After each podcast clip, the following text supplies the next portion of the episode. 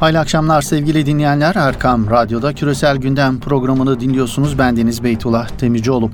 Küresel gündemde ön plana çıkan gelişmelerin perde arkasına ışık tutmaya çalıştığımız programımıza hoş geldiniz. Cumhurbaşkanı Erdoğan'ın Almanya ziyareti, dış politika analizlerine yansıyanlar bölümümüzde ABD Başkanı Donald Trump'ın Birleşmiş Milletler Genel Kurulu'nda çizdiği tabloya ilişkin yapılan yorumlar, İdlib'deki radikal grupların çekilmeye başlayıp başlamadığı konusuna ilişkin gelen haberler küresel gündem programımızda ele alacağımız konu başlıkları arasında yer alıyor sevgili dinleyenler. İlk konumuz Cumhurbaşkanı Erdoğan'ın Almanya ziyareti olacak.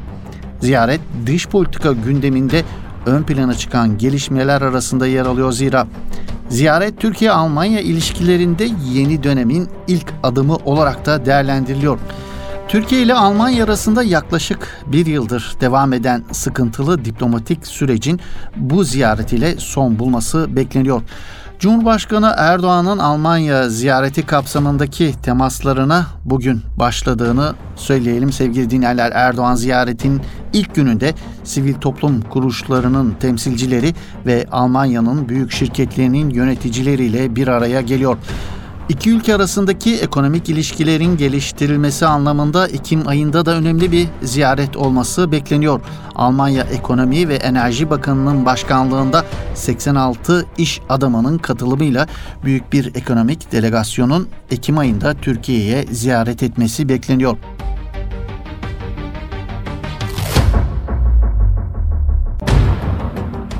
Cumhurbaşkanı Erdoğan'ın Almanya ziyaretinin ikinci gününde Almanya Cumhurbaşkanı ile bir araya gelecek. Cumhurbaşkanlığı sarayında baş başa ve heyetler arası görüşmeler gerçekleştirilecek. Ardından Cumhurbaşkanı Erdoğan Almanya Başbakanı Angela Merkel ile öğle yemeğinde bir araya gelecek. Görüşmenin ardından Erdoğan ve Merkel'in ortak basın toplantısı düzenlemesi bekleniyor. İlişkilerde yeni sayfa açma nedeni ne peki? Türkiye ile Avrupa'nın e, ilişkilerde yeni sayfa açma nedenine ilişkin en çok dillendirilen hususların başında Trump faktörü ön plana çıkıyor sevgili dinleyenler. Hem Avrupa ülkeleri ki bunların başında Almanya geliyor hem de Türkiye Trump yönetimiyle birlikte ABD ile olan ilişkilerinde çok sancılı günler yaşıyor. Sadece Türkiye ve Avrupa ülkeleri değil neredeyse tüm dünyanın Donald Trump ile başının dertte olduğunu söylemek mümkün.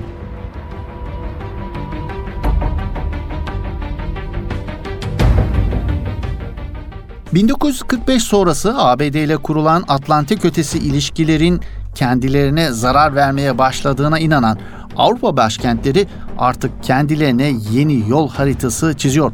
Bu haritada Rusya, Çin, Türkiye ve İran'la stratejik ilişkilerin güçlendirilmesi tezi ön plana çıkartılıyor. Özellikle Almanya ve Fransa Avrupa'nın ABD ile daha fazla aynı yolda yürüyemeyeceğine inanmış durumda. Avrupa-Türkiye ilişkilerinde esen sıcak rüzgarlar da bu yeni eğilimin eseri olarak görülüyor. İfade ettiğimiz gibi Avrupa'nın Transatlantik İttifakı'nın kendilerine zarar verdiğine inanan ülkelerinin başında Almanya geliyor. Almanya Dışişleri Bakanı Heiko Maas'in yakın zaman önce yaptığı transatlantik ilişkiler bağlamındaki değerlendirmeleri oldukça dikkat çekiciydi. ABD ve Avrupa'nın yollarının ayrıldığına dikkat çeken Maas, Avrupa Birliği'nin ABD'ye karşı daha özgüvenli tutum sergilemesini isteyerek biz Avrupalılar Twitter'dan ertesi gün ne paylaşılacağını bekleyip yılanın önündeki tavşan gibi oturmamamız lazım değerlendirmesinde bulunmuştu. Mace daha önce de kaleme aldığı bir makalede Amerika Birleşik Devletleri'nden bağımsız ödeme kanalları Avrupa Para Fonu ve bağımsız bir SWIFT sistemi kurarak Avrupa'nın otonomisini güçlendirmeliyiz ifadelerini kullanmıştı söz konusu makalede. Cumhurbaşkanı Erdoğan'ın Almanya ziyareti işte böyle bir konjonktürde gerçekleşiyor sevgili dinleyenler. Bu bakımdan ziyaret kritik bir önem taşıyor. İkili ilişkilerin onarmanın artık her iki taraf açısından bir gereklilik olarak görüldüğünü de ifade edelim.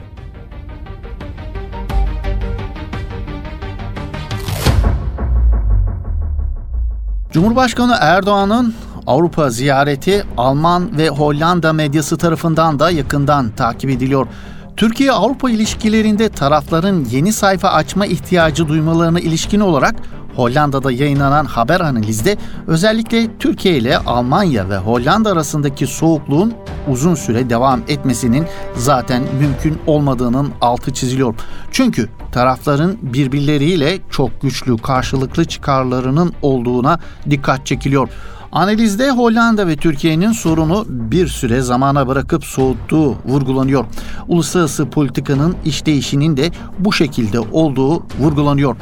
Hollanda medyasının analizinde işaret edilen güçlü çıkarlar özellikle ekonomik alanda ön plana çıkartılıyor. Hem Almanya hem de Hollanda ile yaşanan kriz bu ülkelerle var olan güçlü ticari ilişkileri gölgeleyemedi vurgusu da yapılıyor. Bu noktada Türkiye ile Almanya arasındaki ekonomik e, ilişkilere ilişkin rakamlar da veriliyor sevgili dinleyenler. Bu anlamda zikredilen rakamlara kısaca değinelim. Almanya ile Türkiye arasında 2017'deki ticaret hacmi 37 milyar euro imiş. Bunun yanı sıra Almanya'da yaşayan 3,5 milyon Türkiye kökenli göçmen bu ülke nüfusunun %4'ünü oluşturuyor. Hollanda ise Türkiye'deki en büyük dış yatırımcı ülke olarak ön plana çıkıyor. Hollanda Türkiye'de ikinci sıradaki girişimci ülke olan İngiltere'nin iki katı yatırım oranına sahip. Ticaret hacmi ise tam olarak 20 milyar euronun üzerinde. Almanya başta olmak üzere Avrupa ile açılan bu yeni sayfa bakalım neler getirecek sevgili dinleyenler.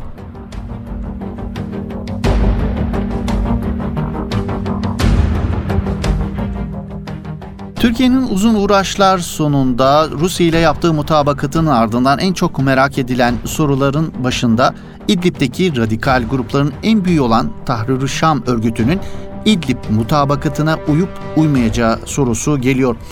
Reuters'ın Suriye'deki muhalif kaynaklara dayandırdığı haberine göre Tahrir-i Şam'ın aralarında bulunduğu birçok grubun İdlib mutabakatına uyacağı yönünde sinyaller geliyor.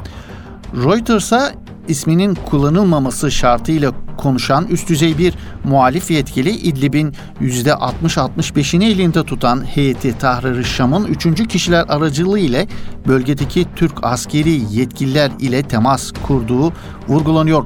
Aynı yetkili örgütün son birkaç günde anlaşmaya uyacağı yönünde işaretler vermeye başladığını da söylüyor. Cumhurbaşkanı Recep Tayyip Erdoğan dün yaptığı açıklamada radikal grupların silahsızlanma bölgesinden çekilmeye başladığını ifade etmişti. Bölgedeki bir istihbarat kaynağı da radikal grupların muhaliflerle bağlantılı silahlı gruplarla ölümcül bir çatışmaya girmemek için yaklaşımlarını yumuşatmaya başladıklarını zira böyle bir çatışma halinde Soçi mutabakatının çökmesiyle operasyonun başlayacağını dillendiriyorlar. Rusya ile Türkiye arasında varılan mutabakata göre radikal muhaliflerin Ekim ortasına kadar bölgeden ayrılmasının sağlanması gerekiyor. Aynı mutabakata göre İdlib'in etrafında Suriye rejim ordusu ile silahlı grupları ayıran 15-20 kilometrelik silahsızlandırılmış bir bölge oluşturulacak. Ajansa konuşan bir başka üst düzey muhalif yetkili de silahlarını teslim etme zorlaması olmadığı için Tahrir-i Şam'ın anlaşmaya uymasının beklendiği vurgulanıyor.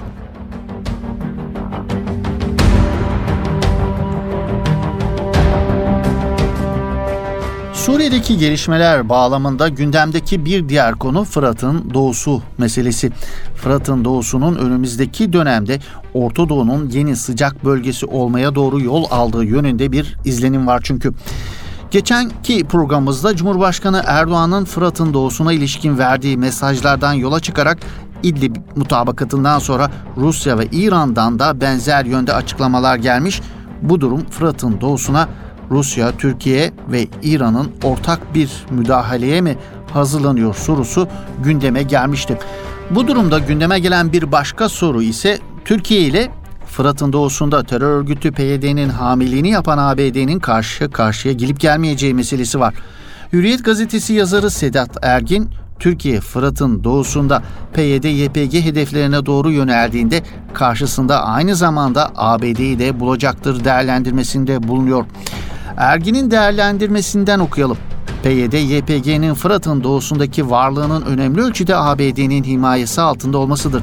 ABD Suriye'nin güneyindeki bölgede DAEŞ ile savaşırken YPG'yi askeri müttefiki olarak kullanıyor. ABD'nin aynı zamanda Kuzey Suriye'de de askeri üsleri bulunuyor. Dolayısıyla Türkiye Fırat'ın doğusunda PYD-YPG hedeflerine doğru yöneldiğinde karşısında aynı zamanda ABD'yi bulacaktır. Erdoğan'ın açıkladığı stratejik hedef ikili bir anlaşmaya varılamadığı takdirde Türkiye ile NATO müttefiki ABD'yi Fırat'ın doğusunda karşı karşıya getirme potansiyelini taşıyor. Fırat'ın doğusu önümüzdeki dönemde Orta Doğu'nun yeni sıcak bölgesi olmaya doğru yol alıyor uyarısında bulunuyor Sedat Ergin. Bakalım göreceğiz.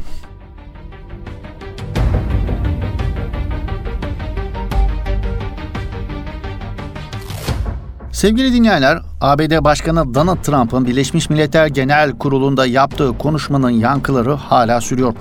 Trump'ın konuşması dünyanın dilinde sevgili dinleyenler yoğun eleştiri alan konuşma gerek ABD medyasında gerekse dünya medyasında yerden yere vuruluyor. Trump'ın kendisinden önceki yönetimlerden daha başarılı olduğu şeklindeki BM Genel Kurulu sonunda gülüşmelere neden olmuştu. E, konuşma aynı zamanda sosyal medyada da e, yoğun bir şekilde tiye alınıyor. Trump'ın konuşması dış politika analizlerinde nasıl değerlendirmiş? Kısaca onları aktarmak istiyoruz programımızın son bölümünde. Yeni Şafak gazetesinden Zekeriya Kurşun, Trump son bir yılda yaptıklarını ve dünyadan beklentilerini anlatırken sanki BM Genel Kurulu'nda değil de ABD Senatosu'nda konuşuyor gibiydi. BM'nin kuruluş felsefesini bir yana terk etmişti. Konuşması uluslararası barışı öncelemiyor, aksine devletler arasında ayrımcılığı ve ideolojik kamplaşmayı öne çıkarıyordu.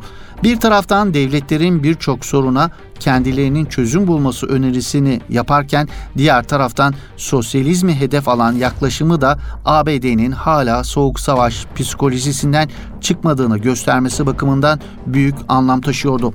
Venezuela'da açıkça sistem değişikliği önerisi ve İran'a karşı yaptırım talepleri ise ABD'nin müdahaleci zihniyetinin değişmediğini gösteriyordu.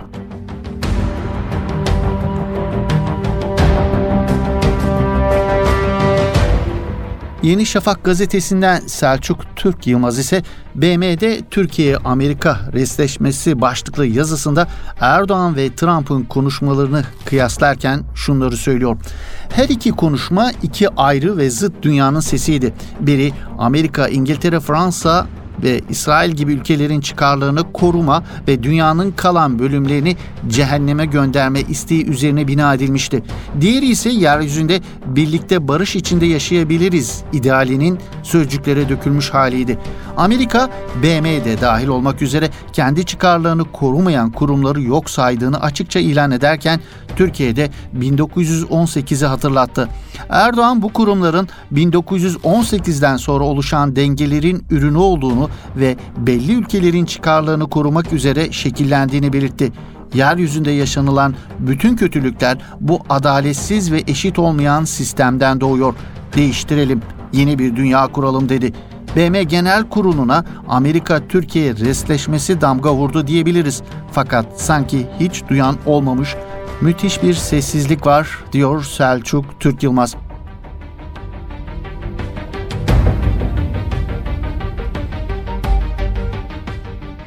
Sabah gazetesinden Hasan Basri Yalçın ise Amerika'nın utancı başlıklı makalesinde bir liderin ülkesini nasıl yüceltebileceğini ya da nasıl rezil edebileceğinin son örneğinin BM Genel Kurulu'nda yaşandığını söylüyor. Bazen devlet başkanları temsil ettikleri toplumu yüceltirken bazen de yerin dibine sokabiliyor. BM Genel Kurulu toplantılarında bunun en güzel örneklerinden birine şahitlik ettik. Trump ve Erdoğan arka arkaya birer konuşma yaptılar. Fark çok net biçimde ortaya çıktı. Trump'ın kurduğu ilk cümle bir fiyaskoya dönüştü. Tüm dünya delegeleri kendisine kahkahalarla güldü. Erdoğan ise baştan sona çivi gibi bir konuşma yaptı. Trump küstahtı. Erdoğan içten. Trump dışlayıcıydı. Erdoğan kucaklayıcı. Trump oyun bozandı. Erdoğan reformcu. Trump kavgacıydı, Erdoğan samimi. Trump adaletsizlik arayışını açıkça dile getirirken Erdoğan eşitlik ve adalet arayışını seslendirdi. Sonuç ortada. Bugün Amerikalılar Trump'ın dünyaya güldüğünü konuşuyor. Kimi utanıyor, kimi öfkeleniyor. Ancak ortada çok açık bir durum var. ABD'nin düştüğü haller akıl alacak bir durum değil. Koskoca Amerika dünyanın kendisine güldüğü bir ülke haline dönüştü. Sadece Trump değil, ABD'nin kendisi de gülünç bir duruma düştü diyor Sabah gazetesinden Hasan Basri Yalçın.